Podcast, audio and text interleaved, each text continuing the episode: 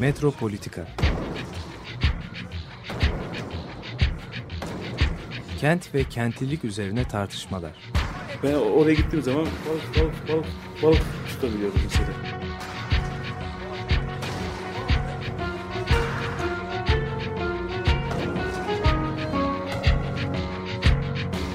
Hazırlayıp sunanlar Aysin Türkmen, Korhan Gümüş ve Murat Güvenç.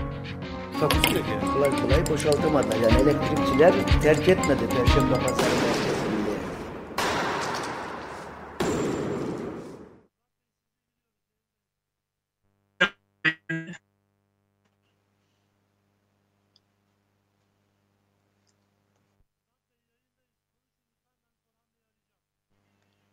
Peki, e, iyi günler e, Açık Yol e, Radyo dinleyicileri. Metro Politika'nın bugünkü e, toplantısını, bugünkü e, programını biraz teknik sorunlarla e, açıyoruz.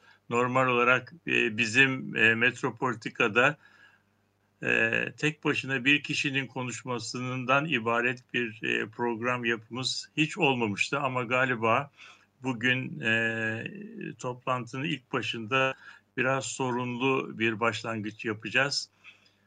E, ben e, bu e, zamanda biraz izin verirseniz e, uvertür mali mahiyetinde nasıl bir top bir e, program düşündüğümüzü anlatmaya çalışayım.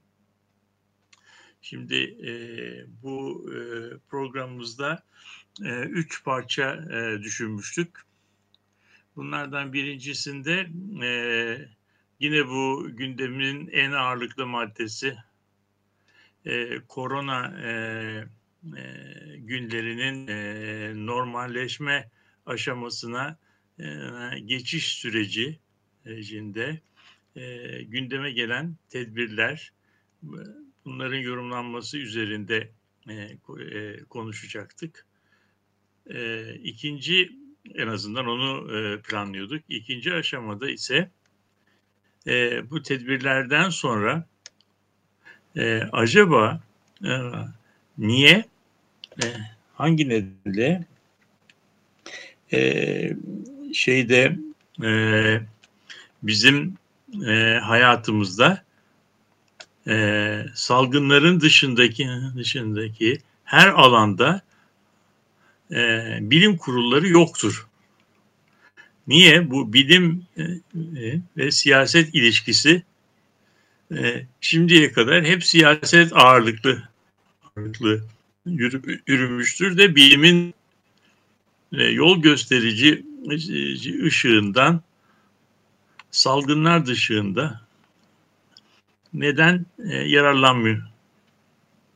Bu soruyu e, e, tartışacaktık. Üçüncü, üçüncü aşamada ise e, bu korona günlerinin e, bilim kurulu ışığında yürütmekte olduğumuz e, e, tartışmalardan dan, e, bir adım yukarıya çıkarak, soyutlayarak e, bilim politika ilişkilerini tartışmaya çalışacaktık. E, bu programın e, e, ilk bölümü için tasarladığımız e, önlemler paketinde, paketinde e, Korhan'ın ayrın, ayrıntılı açıklamalar yapmalar yapması ve tasarlanan e, ekonominin açılması, normal hayatımızda dönüş sürecinin kriterleri üzerinde tartışacak. İkinci aşamada ise e, bu bilim kurulu e, eşliğinde yapılan yapılacak e, yeni e, düzenlemelerin e, e, toplumsal hayata nasıl katılabileceği konusunda konusunda e, bunun e, ne gibi avantajlar sağladı, avantajlar sağladığı, ne gibi dezavantajları olduğu olduğu ve e, katılım açısından nasıl değerlendirilmesi, değerlendirilmesi gerektiği konusunda tartışacaktır. Üçüncü e, konuda bu bilim politika politika ilişkileri konusu sunu e, şeyin e, sunuşunun üçüncü bölümüne belki de pro, bu programın sonuna kadar götürebilirsek e, e, e, şeyden sonra aradan sonra sonra bir e, felsefi tartışma olarak yürütmeyi yürütmeyi e, tasarlıyoruz. Tasarlıyoruz. Şimdi e, o yüzden e, Korhan'ı e, programa e, bağlamaya çalışıyorlar. Bu e, bağlantı e, sağlanana kadar ben e, sizlerle önce e, bu e, geçiş paketi hakkında ve bu bilim kurulları hakkında ki düşüncelerimi e, paylaşmaya, ondan sonra da e, vakit kalırsa e, şeye e, programın e, bu felsefi tarafına e, geçmeye çalışacağım. E, Korhan bağlanırsa o zaman programı başta tasarladığımız sürece değil de belki de ters sürede e, genelden özele giden bir yapıda sunmuş olacağız. Hayat önceden tasarladığımız yapıda her zaman gerçekleşmiyor maalesef. Şimdi e, e, biliyoruz ki bu bizim e, yaşadığımız günlerde toplumsal hayatı yeniden tasarlamaya e, yönelik önemli açılımlar e, oldu. Bunlardan bir tanesi de işte e, son zamanlarda yaşanan ve normalleşme paketi diye e, adlandırılan 65 yaşlarından e, büyüklerin e, eskiden olduğu gibi ev hapsinden birazcık kurtulmaları, gençlerin e, belli günlerde 20 yaşından e, küçük çalışmayan gençlerin e, 20 yaşından küçük gençlerin e, şeye katılması, toplumsal hayata belli günlerde katılması, sokağa çıkma izinlerinin kaldırılması, e, ondan sonra berberlerin, kuaförlerin, güzellik salonlarının, AVM'lerin açılması gibi konularda bir takım e, hayatı gevşeten şeyleri, e, kısıtlamaları azaltan yeni e, gelişmeler oldu. Bunları bunları biz e, önümüzdeki e, günlerde sonuçları itibariyle yaşayacağız. Şimdi her akşam izlediğimiz e, şey nasıl diyelim salgın haberlerinden izlediğimize göre de e, ölçüm konusunda herkes hemfikir olmasa da salgının eski şiddetiyle devam etmediği bir e, yavaşlama evresine girdiği e, görülüyor. Bu ne kadar sürer sürmez o bizim e, tartışabileceğimiz konular e, arasında değil. E, ama e, bu bizi e, her konuda ve tabii bu arada maçların başlaması, basketbol liginin ertelenmesi, futbol liginin ise e, belli tarihlerden sonra tekrar maçların başlaması seyircisiz olarak da olsa gibi önlemler var. İşte okulların 15 Haziran'dan sonra e, açılması gibi bir e, önlem var. Bunların sonuçlarının ne olacağını görüyoruz. Bu bizi e, şeyle büyük bir hızla e, şu soruya götürüyor. Acaba e, bu salgının e, yol açtığı krizin yönetiminde başarıyla e, başarıyla e, tırnak içinde söylüyorum çalışan. Çünkü başarıyı değerlendirmek için e, biraz erken olduğunu düşünüyorum şu andaki durumun. E, bilim kurulları acaba neden e, neden e, hayatın her alanında tarımda eğitimde ulaştırmada şehir planlamada mimaride e, kurulmaz? O zaman yani bilimle siyasetin el birliği ile e, el birliği yaptığı bir kent yönetimi neden e, kurulmuyor? E, bu eğer bu siyasetçilerin yol açtığı, yaptığı bir yönetimden daha başarılı sonuçlar veriyorsa niye biz bunu hayatın diğer alanlarında bilim politika işbirliği arasında şey yapmıyoruz. Tekrar sürdürmüyoruz. Bizim karşımıza çıkan e, temel e, soru ve soru bu. Bu sorunun başta söylediğim gibi bir bilim ve politika ilişkileriyle ilişkin bir genel boyutu var. Bir de bunun hayata geçirilmesinde Türkiye'ye özgü, yerelliklere özgü e, daha somut boyutları var. Şimdi bu genel boyutunu biraz e, değerlendirme dışı bırakarak önce bunun yerel boyutları üzerinde e, düşünmeye çalışalım. Yerel boyutları evet, üzerinden düşünmeye Murat'cığım, çalıştığımız evet, zaman bizim şöyle bir e, e, şöyle bir e, e, yönetim geleneğinden geldiğimiz düşünülebilir.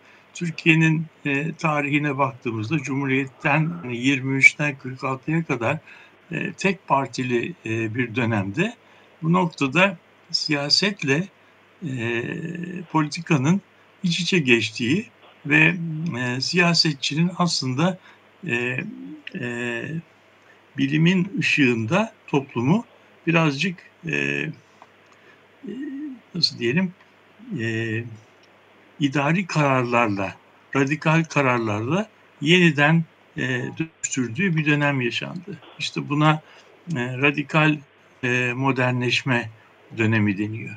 Bunu bu dönemde alınan kararların büyük bir kısmının aslında e, siyasetle o dönemin e, o dönemin e, yönetim anlayışına ışık tutan pozitivist e, bilim yaklaşımının ışığında şekillendiğini de söylememiz pek e, yanlış olmaz.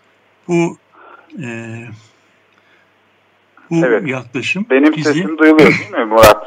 Benim sesim de bu yaklaşım duyuluyor şu bizi anda. 1946'lara kadar e, getiriyor.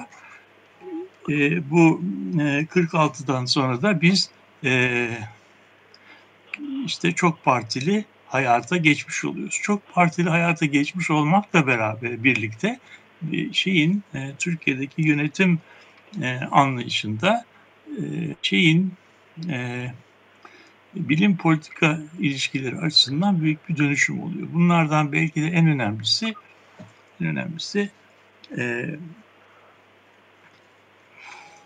e, şeyin seçilmişler ve atanmışlar arasındaki ilişkinin seçilmişler e, lehine büyük bir e, dönüşüm geçirmesi ve hayatın her alanında seçilmişlerin atanmışlardan üstün olduğu ki bunu şeye bakarsak seçilmişlerin bürokrasiden üstün olduğu e, seçilmişlerin her zaman e, şeyden e, bilim alanında çalışanlardan daha e, önemli katkılarda bulunduğu gibi bir e, bir noktaya geliniyor. Bu e, dönüşüm dönüşüm bizim idari yapımızda ve siyasi hayatımızda, toplum hayatımızda çok e, derin yankıları var. Şimdi burada siyasetçi hayatın her alanında son sözü söyleyen ve de e, şeyin dışında olan e, bilimin ve bürokrasinin kontrolünün dışında olduğu bir e, nasıl diyelim e, bağımsız karar verici haline geliyor.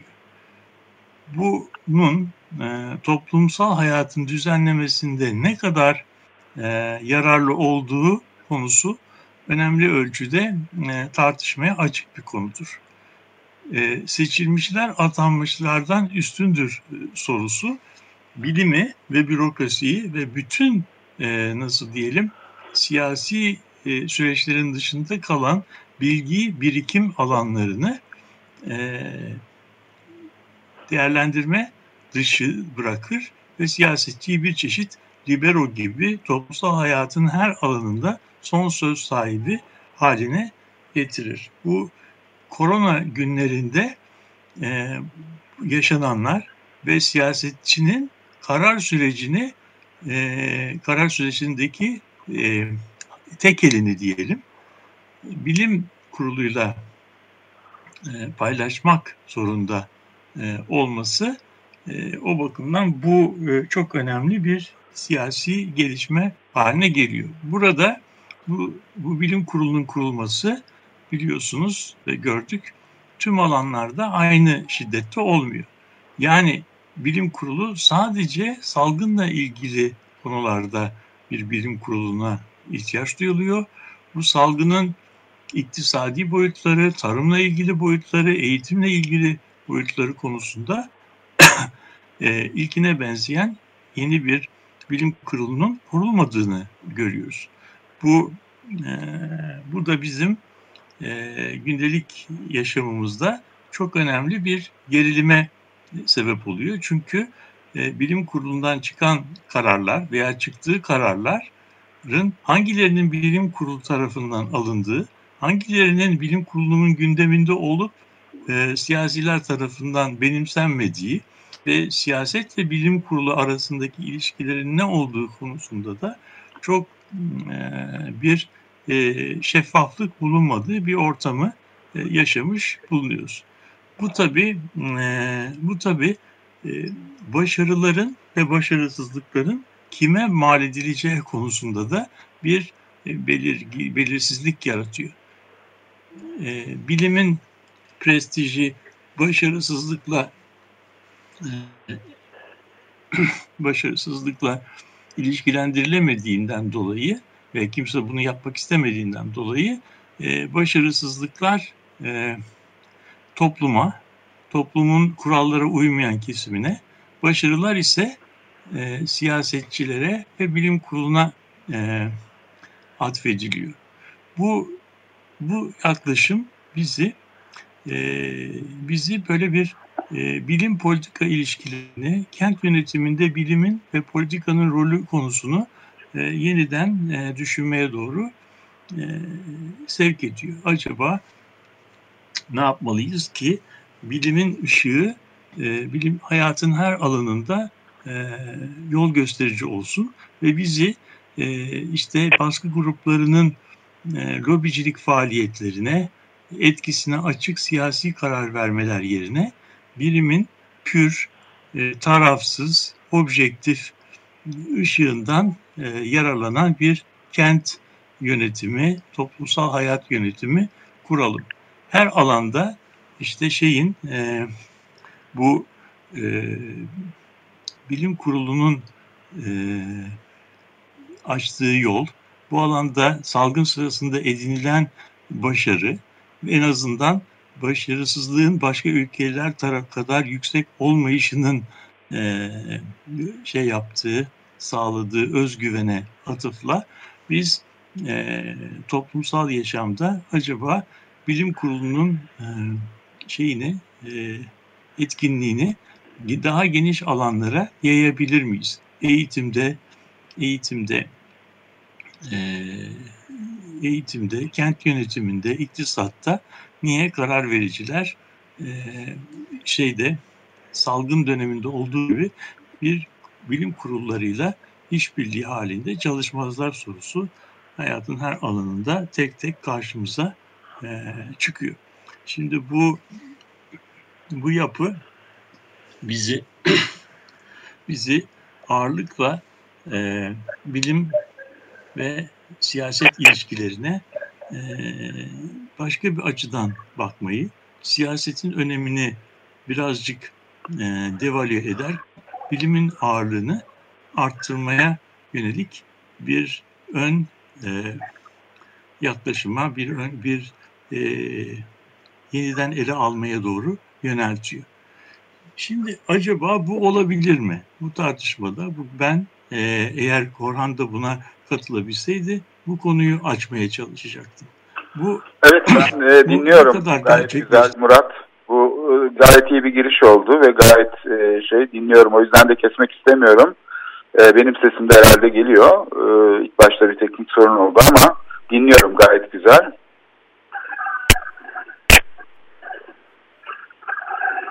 E, şimdi burada e, dediğim gibi yani burada temsilcilerin egemenliği gibi bir duruma yol açıyor. Sonuçta aktif bir özne olarak toplum olamıyor. Eğer e, sadece katılımsız bir e, şey yönetim modeli öngörüyorsak bu açıdan da karşımızda çok önemli bir şey var şu anda. Yani Cumhurbaşkanlığı Covid-19 normalleşme planı açıklandı. Biliyorsun bu işte Mart ayının dördünün tarihi var.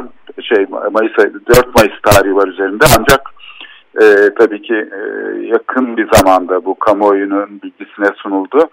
Zaten o plana göre şu anda 11 Mayıs'ta işte AVM'ler ve berberler, kuaför salonları falan açıldı. Bu tarihten sonra işte restoranlar, kafelerde kontrollü olarak açılabileceği söylendi. 27 Mayıs'tan sonra da işte yurt içi ve yurt dışı uçuşlar, yolculuklar başlayabilecek dendi. Yani 1 Haziran'da işte plajlar, kültür merkezleri, müzeler, sergiler e, vesaire söylendi. Şimdi burada tabii çok önemli bir şey bu. Yani e, mesela istirahat ve eğlence yerlerini 1 Haziran'da açılabileceğini söylüyor plan. Ama mesire ve piknik yerleri 15 Haziran'da diyor. İşte camiler 12 Haziran'da. Sinema ve tiyatro gösteri merkezleri 1 Temmuz'da diyor. Ee, sınır kapılarıyla ilgili gene şeyler var. Ee, yani burada aslında yani ayrıntıları e, bu planda görmek mümkün ama e, bu tek özneli bir model e, karşımıza e, çıkarıyor. Yani tek özneli planlanmış bir model izlenimi veriyor. E, belki arkasında çok özne e, olacağı e, şey yapılabilir ama şimdilik benim yorumum böyle. Yani çok katmanlı, katılımcı bir yapı tanımlanmıyor bu programda. Yerelde misyon odaklı yapılardan söz edilmiyor ki bir yönetim planının uygulanması herhalde şart. Her yerin özel bir durumu var. Turizm yöreleri başka, şeyler başka. Yani Türkiye'nin her köşesinde farklı özellikler taşıyan şeyler var. Ekonomik açıdan da farklılıklar var. Dolayısıyla böyle misyon odaklı yerel yapıların oluşması, yönetim planlarının hazırlanması gibi bir çok öncelikli bir planlama anlayışı yok. Sadece sağlık bilimsel bir yaklaşım var. Senin de söylemiş olduğun gibi. Yani kısıtlayıcı bir dönemden yavaş yavaş kısıtlamaların kalktığı bir döneme geçiş gibi. Aslında bu krizin e, yönetimi gibi bir şey değil. Daha çok hani krizin etkilerinin ne karşı reaksiyoner bir plan gibi. E, bu zaten ismi de böyle bir çağrışım yapıyor. Çünkü bir eylem planı niteliğinde değil tam sadece bir normalleşme planı yani Covid-19 normalleşme planı adı da bu da reaksiyoner bir çağrışım yapıyor. Oysa ki süreci gözden geçirmek için bu bir şey olabilir.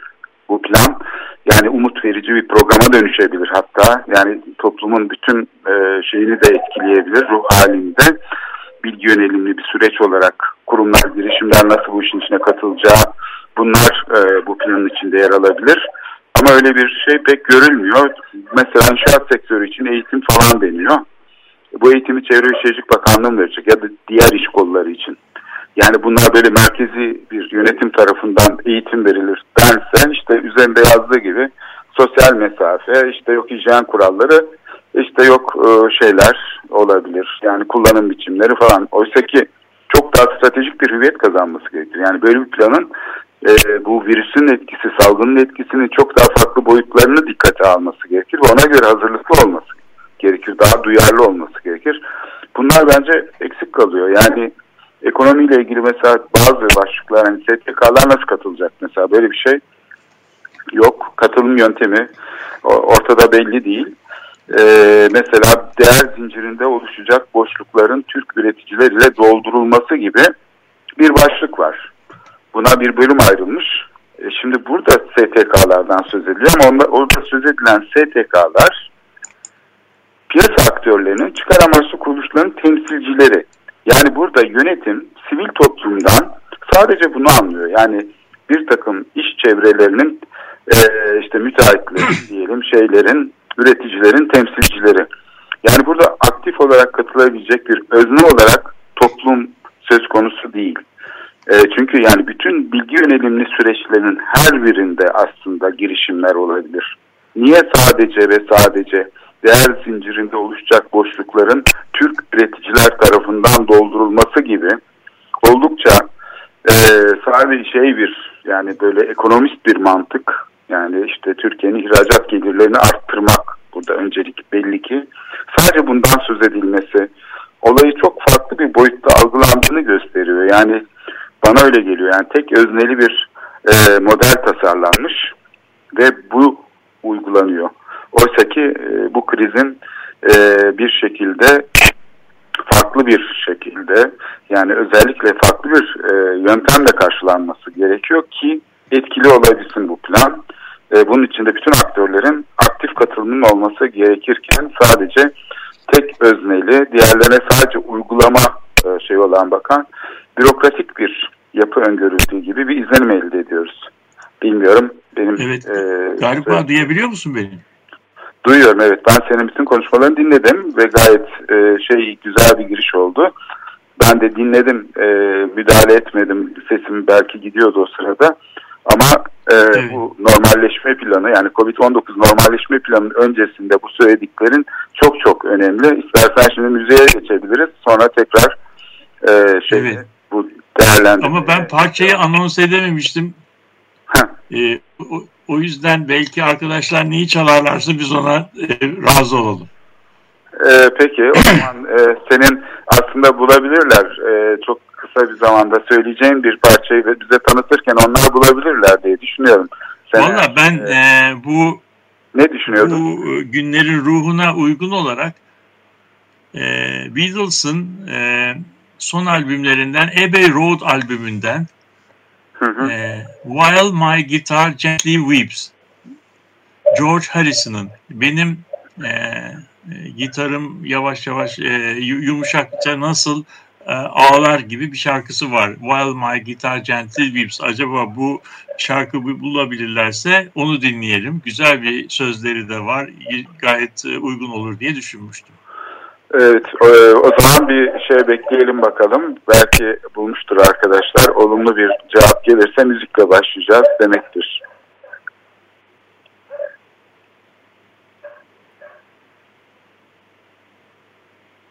Galiba evet, bulamıyoruz. Evet bu Peki. E, müzik o zaman sesimizi keser. E, evet biz devam edelim istersen. Ha, evet. Şimdi bu salgın Peki. döneminde olduğu gibi sen dedin ki acil durum yönetimi bir takım kararların tepeden alınmasını gerektirebilir. Sağlık bilimsel bir açıdan da yaklaşılması son derece doğaldır. Bilim kurulu oluşturulur falan filan. Bu, bu ama bu geçici bir dönemdir. Ama normal hayat dedim bir kriz yönetiminde olduğu gibi yönetilemez dedim. Bu çok önemli. Yani girişte söylediğin şeyler çok bence ufuk açıcı sözler. Niye denemez? Hani şöyle bir şey söylenseydi ki bu normal zamanlarda sürekli söylenir zaten. Ya şu ülkeyi bilim insanları yönetseler, her alanı onlar tanımlasalar ne kadar harika bir ülke olurdu burası. Şimdi bu söz aslında iyi bir şey içeriyor değil mi? Yani bilim dediğimiz şey her şeyin böyle tasarlanmış olduğu, bilim insanları, bilim ışığında tasarlanmış olduğu bir yönetim fikrini ortaya koyuyor. Ama kamu hayatı bu şekilde olamıyor. Yani sadece bilimsel bir yönetim yani siyaset olmadan kamu hayatı aslında olamıyor. Ee, kriz yönetimi zamanlarında bu pekala bir kısıtlayıcı önlem gibi gerçekleşiyor. Yoksa son derece teknokratik kamu yönetimi modelleri çıkıyor karşımıza. Çünkü bilim dediğimiz şey tek boyutlu değil. Bilim dediğimiz şey aslında çok boyutlu bir şey. Değil mi? Farklı evet. e, şeyleri var. Bilimin deneysel olduğunu görüyoruz. Yani şu sadece salgın dönemindeki konulara baksak sabahtan akşama kadar tartışılsa gene aslında şey artıyor. Yani bilimsel konulardaki e, şeyler tartışmalar, tezler, ortaya çıkan varsayımlar bir gün başka bir şey söyleniyor, bir gün farklı bir şey de söylenebiliyor, bazen çelişebiliyor, karşıtlıklar oluşuyor. Dolayısıyla bilim aslında tıpkı sanat gibi deneysel bir uğraş. Yani bilim yönetsin dediğimiz anda otokratik bir yönetime teslim edelim ülkeyi anlamına da gelebiliyor. Niye? Çünkü bir takım bilim insanları yönetim erkiyle iç içe olurlarsa, örtüşürse o zaman zannediliyor ki bilim insanları yönetiyor. Oysa ki tam tersine iktidardan tamamen dışarıda olması lazım. Nasıl teokratik bir yönetim e, şeyi zorluyorsa, insanların e, düşünce özgürlüklerini e, engelliyorsa, bilimin de teokratik bir özellik kazanması, iktidarla yapışması, iktidara yapışması riskli bir şey. Bu yüzden bilim tarafının iktidar alanından ayrı durması gerekiyor. O yüzden de bilim insanları yönetseler ne güzel olur lafının içinde bir paradoks var gibi geliyor bana. Evet işte tam da ben bu noktayı açmaya çalışıyordum. Ee, eski Yunan'dan beri tartışılan bir e, ideal dünya var. İdeal dünyanın da, e, da en e, böyle nasıl veciz metaforu felsefe bilen bir kral. Yani şey e, şey idarenin kuvvetli şeyi olacak, e, yöneticisi olacak ama bu bu kral aynı zamanda bütün ilimlerin ve bilimlerin ve bilgilerin de sahibi olacak. Felsefenin o tarihte bilimden ayrılmadığını ve bilimlerin adının felsefe olduğunu e, hatırlayalım. Şimdi eğer kral e, filozof olabilir mi? Acaba bunu ne kadar hayata geçirebiliriz? Bu önemli bir e, bir soru. E, şimdi Kant'la beraber ta aydınlanma dönemine geldiğimiz zaman bu konuyu, bu o zamana kadar karışık ve puslu kalan bu sorunun aslında e, üç bileşeni olduğu ve bizim bilgiler alanı dediğimiz alanın yani felsefenin içi, içerdiği, kapsadığı tüm alanın içerisinde bir estetik alan olduğu, bir normatif alan olduğu ki bunu biz hukukla şey yapıyoruz. Bir de e, bir de, bir de bilgi alanı, logos alanı var. Yani bu e, bunlardan bir tanesi işte doğru, doğru, e, doğru, güzel, hakça gibi üç e, önemli kriteri var. Güzellik tabi e, estetiğin e, alanını, bilginin alanını doğruluk, normatif alanın ise ise şeyini e, ölçüsünü olmasını gereken e, güzel yani şey anlamında doğru bu sefer ahlaki anlamında doğru arzu edilebilir olması gereken e, ken ölçütler belirliyor. Şimdi bunun üçünü tek bir yerde birleştirilmesinin bu üç ilkeyi birlikte sağlayabilecek bir çözümü gerektirdiğini e, düşünüyoruz. Ve bu böyle bir ilkede benim bildiğim kadarıyla bugüne kadar e, e kimse tarafından formüle edilmiş değil. Yani doğru, e, güzel ve ahlaki olanın üçünü birden bir araya getiren bir böyle e, muazzam çözüm bugüne kadar kimse tarafından formüle edilmiş vaziyette değil.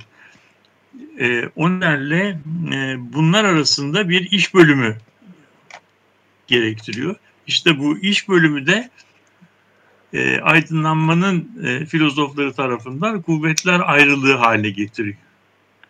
E, evet, Ve bu, bu kuvvetler ayrılığı da bizim de işte e, katılımcı, o, temsili demokrasinin ve de işte e, kontrol denetim e, mekanizmalarının temelini şey şimdi tabii acil durumlar böyle bir afet durumları olduğu zaman e, hızlı karar alınması ve etkinlik içerisinde davranılması e, mecburiyeti bu, bu süreci kısaltmayı gerektiriyor. İşte bu süreci kısaltmayı gerektirdiği zaman olağanüstü koşullar devreye girmiş oluyor ve işte bilim e, bilim kurulları kuruluyor. Siyasetçiyle arasındaki e, müzakere ve tartışma hızlandırılıyor ve durumun gerektirdiği hızda karar verme süreci e, e, yaşanıyor.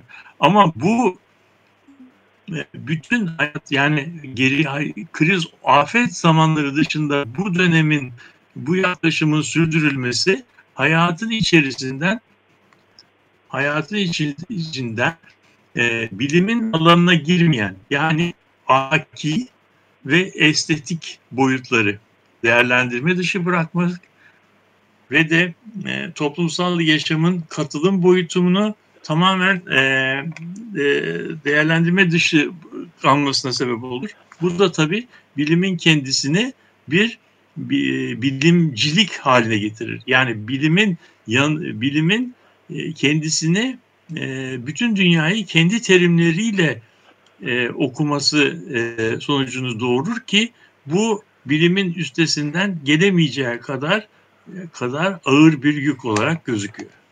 Evet bu şimdi burada yaptığın ayrım çok anlamlı. Benim de kafamda hep sorguladığım bir konu. Öğrencilik zamanımdan beri hep tartışılan da bir konu. Çünkü mimarlıkta da bu tartışma biliyorsun bilim mi sanat mı şey var.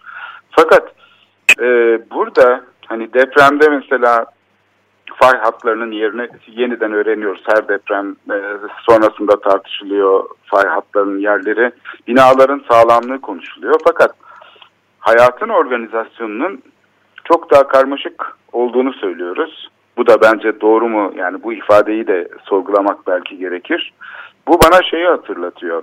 68 yılında, 1968 yılında Claude Lévi-Strauss e, önemli bir e, şey tabii antropolog olarak e, o tarihlerde yayınlamış olduğu kitaplarla e, gerçekten e, insan... Tabii tabii yapısalcılığın... Evet en önemli e, şeylerinden biri yani bu, bu çığır açıcı bir kişi. Lévi-Strauss'a eleştiriler geliyor. Bu eleştirileri e, getirenlerden biri de Jean Piaget. Yani onu yapısalcılığın evet. aslında eş zamanlık üstüne kurulduğunu ve bir anı incelediğini ve onun üzerinden yapıyı analiz Eğimi dinamizmi içermediği. Evet dinamizmi içermediğini, süreç odaklı olmadığını diyelim, diakronik bir şey olmadığını söyleyerek bir eleştiri getiriyor. Ben 68 yılında Levi-Strauss'un, Claude Levi-Strauss'un e, Fransızca okuyorum çünkü e, İsviçreli olduğu için Fransızca konuşan bir kişi. E, değil mi? Fransa'da zaten kariyerini evet. Fransa'da yapmış. Yani Claude Lévi-Strauss. E, o şöyle bir cevap veriyor. Bu şey diyor, e, üst dil yani bilim diyor, her zaman diyor şeye göre baktığınız yere göre diyor değişebilir. Temsil eden için diyor içerik olan bir şey diyor.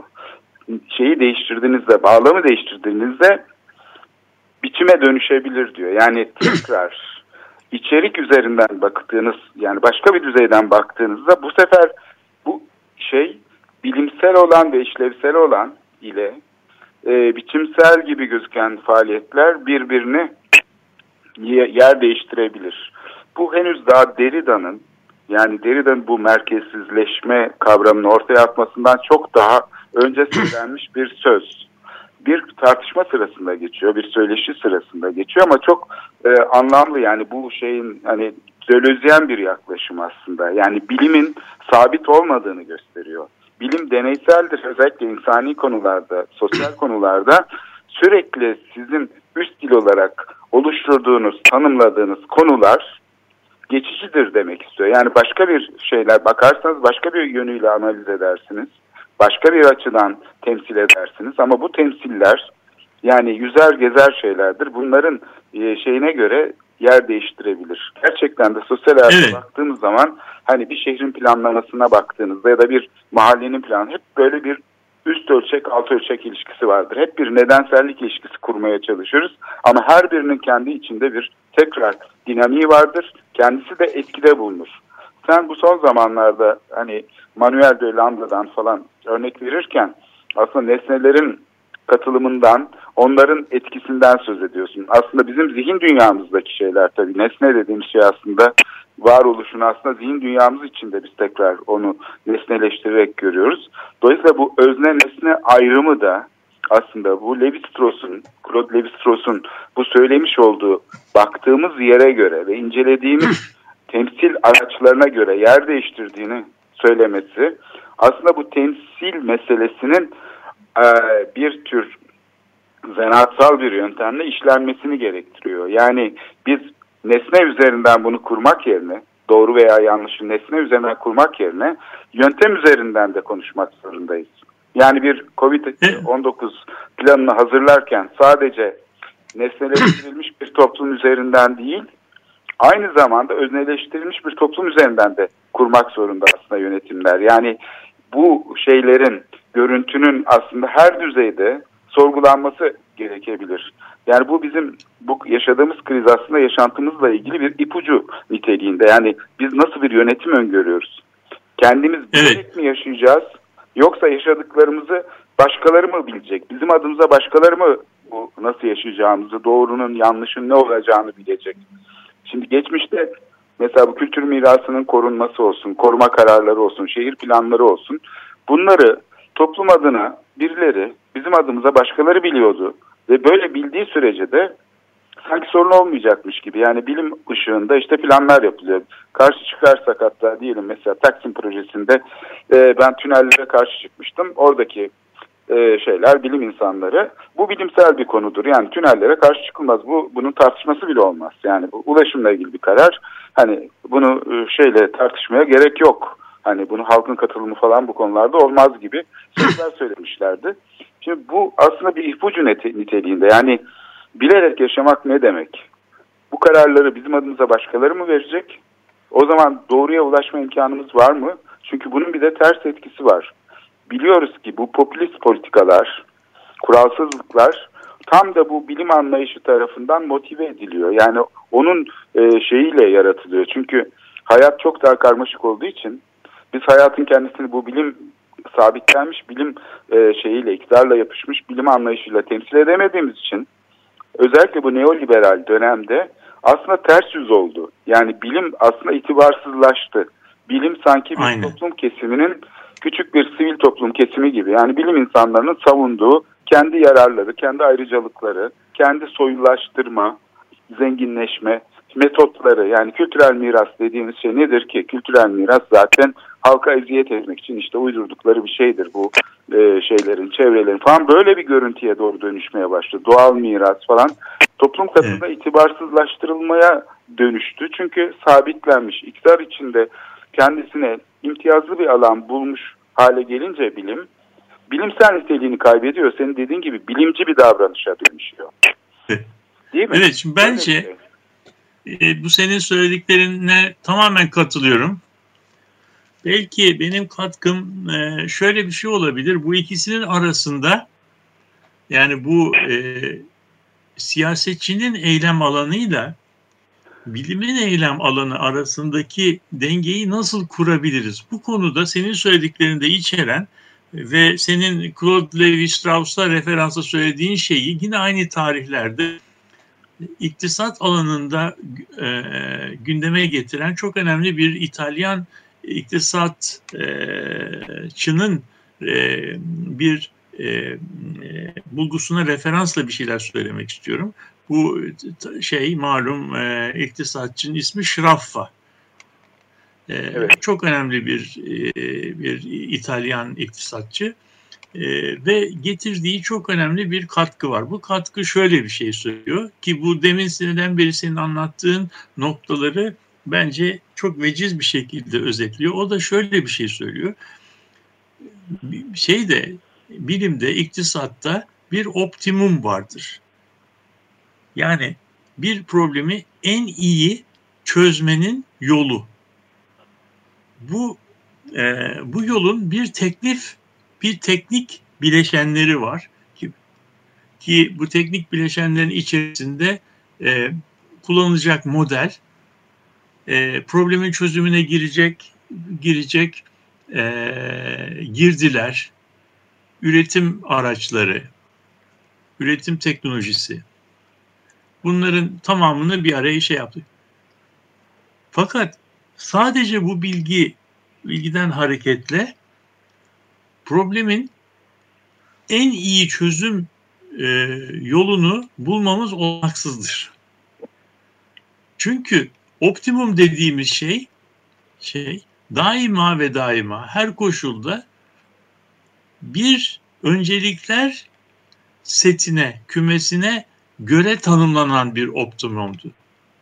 Yani bilimci kendi alanını ne kadar iyi bilirse bilsin, toplumsal önceliklerin hangi alanda olduğu, bu faktörlerin hangi alanda e, bir araya getirmesi gerektiği konusundaki kararı tek başına kendisi veremez. Vermeye kalkarsa o, zaman, o zaman yani bilimcilerin toplumu yönettiği, bilimcilerin kendi önceliklerinin toplumsal önceliklerin yerine ikame edildiği bir dünya kurulmuş olur. Bu dünyada mümkün olan dünyaların en iyisi olmadığını tarih bize defalarca gösterdi. O yüzden e, bu e, seçilmişler atlanmacılardan üstündür veya seçilmişler toplumsal e, baskılara e, açıktır. Onun için e, daha tarafsız ve objektif olan bilime e, e, şey verelim, e, öncelik verelim yaklaşımı şunları tek başlarına doğru değildir. Yani bu ikisinin arasında e, birinin diğerine galebe çalmadığı, dikkate üzerine üzerinde hakimiyet kurmadığı, yani hem toplumsalın kendini ifade edebildiği hem de bilimin kendisinin e, bu toplumsal tartışmaya ışık tutabildiği, kolaylaştırabildiği bir diyalog sürecinin açılması gerekir. İşte bu da e, bu da zannediyorum diyorum. Yani böyle gündelik e, vurguların ötesine geçildiğinde katılımcı demokrasi dediğimiz şeyin özünü oluşturuyor. Yani bilgi alanıyla eylem alanı, normatif alanı, estetik alanı, kültür alanı arasında bir diyalog olması lazım. Bu diyaloğun da mümkün olduğu kadar açık ve baskılardan uzak olması lazım. Şeylerin, e, bu tarafların birbirlerini uzun sürede e, uzun bir etkileşim içerisinde ikna ed- edebilmelerine izin verilmesi gerekir. Hiçbir grubun ötekisine yeter artık ben bildiğimi yaparım e, şeklinde dayatma yapamaması. Tabii bunun e, e, kısmen parantez içerisine alınabildiği durumlar ne oluyor? Onlar da afet durumları oluyor. Afet durumlarında şey, sorun o kadar acil ki işte e, şeye bilime veya karar vericiye e, bu süreci kısaltma, e, yani acil kararlar alma e, e, imkanı, özgürlüğü tanıyor. Ama dikkat edersen bu özgürlükler hiçbir zaman sonsuz olmuyor. Hep bir zamana bağlı oluyor. Bir süre için, bir süre sonra tekrar e, şey e, tekrar gözden geçirmek koşuluyla oluyor. Evet bu şimdi sınırlandırmaların e, adım adım aşama aşama kaldırılması aslında bu sözünü ettiğimiz yapılanmayı da e, tanımlamak için bir fırsat. Yani aslında bu şekilde bir yönetim şek e, etkileşimli toplumla temas eden, ilişkiler kuran bir modelle ancak e, şey yapılabilir. E, bu e, ileride çıkabilecek büyük sorunların karşısında daha dirençli bir süreç yaratılabilir. Ama eskiye dönüyoruz. Rehavete işte kapılmayın deniyor ya. Yani geçmişe dönüyoruz gibi bir yaklaşımla aslında bundan e, biraz bunun dışında kalıyoruz. Yani şöyle bir e, şey ortaya çıkıyor. Bilim dediğimiz şeyin gene iktidarın içine sıkışıp kaldığı bir hale dönüyoruz. Çünkü aslında bilimin özelliği iktidar e, sınıfından ayrışması. Yani yönetim sınıfından ayrışmasıyla bilim bilim oluyor. Yönetimin içindeki bilim ise kesinlikler içeriyor. Niye? Çünkü kapalı uçlu. Yani eğer bir imtiyaz alanı olarak iktidarın içine sığınıyorsa bilim o zaman e, bu sözünü ettiğin deneyselliği içermiyor. Yani kendi arasında bir diyalog kuramıyor. Başkalarıyla temas kuramıyor. Çünkü e, katı bir etki yaratıyor. Hiyerarşik bir yapıya uygun bir e, işlev üretiyor. Dolayısıyla demokratikleşme konusunda bir adım atılamıyor. Çünkü bilim burada bir ruhban sınıfı işlevi görüyor. İktidarın içinde. Dolayısıyla bizim katılımı evet. genellikle işte halkın katılımı falan diye e, şey yapılıp sürekli dışarı atılan yani çepere itilen bir katılım anlayışı var. Halkın katılımı. Hayır asıl bilimin katılımı meselesini sorun etmemiz gerekiyor ki halkın katılımı gerçekleşsin. Kendisini tekel evet, olarak yani... merkeze alıp ondan sonra halk katılsın demenin hiçbir alemi yok. Çünkü eşitsizlik üretiyor zaten. Evet bu e, senin söylediğin e, nokta e, demin konuşma bitirirken söylediğim diyalog metaforuyla ilişkili bir şey. Şimdi diyalogu biz kuramazsak ve bilim eylemle e, eylem alanını yönetecek siyaset arasında bir diyalog yoksa veya bu diyalog e, bu diyalog birbirlerini baltalama şeklinde e, gerçekleşiyorsa bu karşımıza iki tür evet. Evet. iki türlü e, şey ortaya çıkıyor. Bunlardan bir tanesi e, bilim adamları ya bu e, siyasetçiler e, çok etkilere açık, doğruyu yapamıyorlar. Dünya bizim söylediğimiz gibi olmalı. Yani şu, o zaman bilim adamları veya sanat sahipleri kendi becerilerinin üzerinde bir iktidar talebi yapıyorlar. Evet. Yani bu, bu dünya. Tersine iktidar sahipleri de e, böyle bir problem karşılaştıkları zaman ya bunlar bu işi çok uzatıyorlar. E, seçilmişler atanmışlardan üstündür. E, onun için bunlardan biz bir görüş alırız ama nihai kararı biz veririz. Diyaloğa falan da gerek yok. Yani sonuçta kararı ben veririm diyorlar. Bu bu içinde bulunduğumuz dönemde de neoliberal 80 sonrasında da bütün Avrupa'da ve şeyde e, Amerika Birleşik Devletleri'nde yani yönetimlerin biraz böyle teknokratik yönetimlere dönüşmesine e, ve e, şeylerden, demokrasiden, katılımdan uzaklaşmasına sebep oldu. İşte bu içinde yaşadığımız salgın dönemi ve onun koşulları bu süreci bize yeniden düşünme fırsatları e, vermiş olmalıdır diye düşün düşünüyorum. Evet. Eğer e, eğer böyle bu fırsatları e, değerlendirmez ve sadece eski normalimize nasıl döneriz e, problemini çözmeye çalışırsak eski normalin bizi bugünkü koşullara getiren bir normal olduğunu hiçbir zaman unutmamamız gerekir. Evet. Şimdi program sonuna geldik. Ee, ben e, şunu söyleyip istersen kapatalım diyorum. Ee, ilk önce şunu söyleyeyim. Ee, bu programdaki teknik e, hatalar bize ait tabii. Yani bana ait daha çok e, bağlanamama meselesi. O yüzden dolayı da e, dinleyicilerden özür diliyorum. Kusura bakmasınlar. Ama konu çok önemli. Yani özellikle bu normalleşme sürecinin adım adım izlenmesi çok çok önemli. Bunu bildiğimiz karşıtlık rejimi içinde yani devlet içindeki imtiyaz gruplarının e, bir e, şey e, arasındaki bir rekabete dönüştürme şeklindeki bir bilim anlayışıyla ya da bir siyaset anlayışıyla çözmemiz, daha iyi koşullara gitmemiz mümkün değil.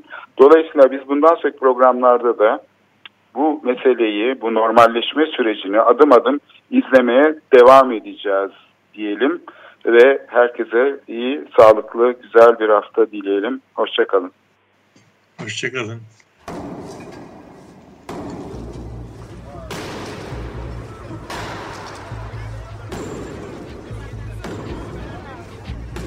Metropolitika Kent ve kentlilik üzerine tartışmalar. Ben oraya gittiğim zaman balık balık balık balık tutabiliyorum mesela.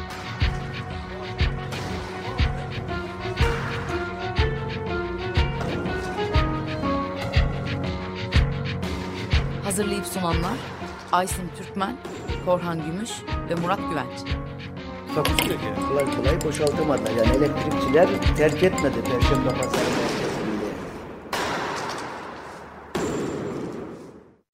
Açık Radyo program destekçisi olun. Bir veya daha fazla programa destek olmak için 212 alan koduyla 343 41 41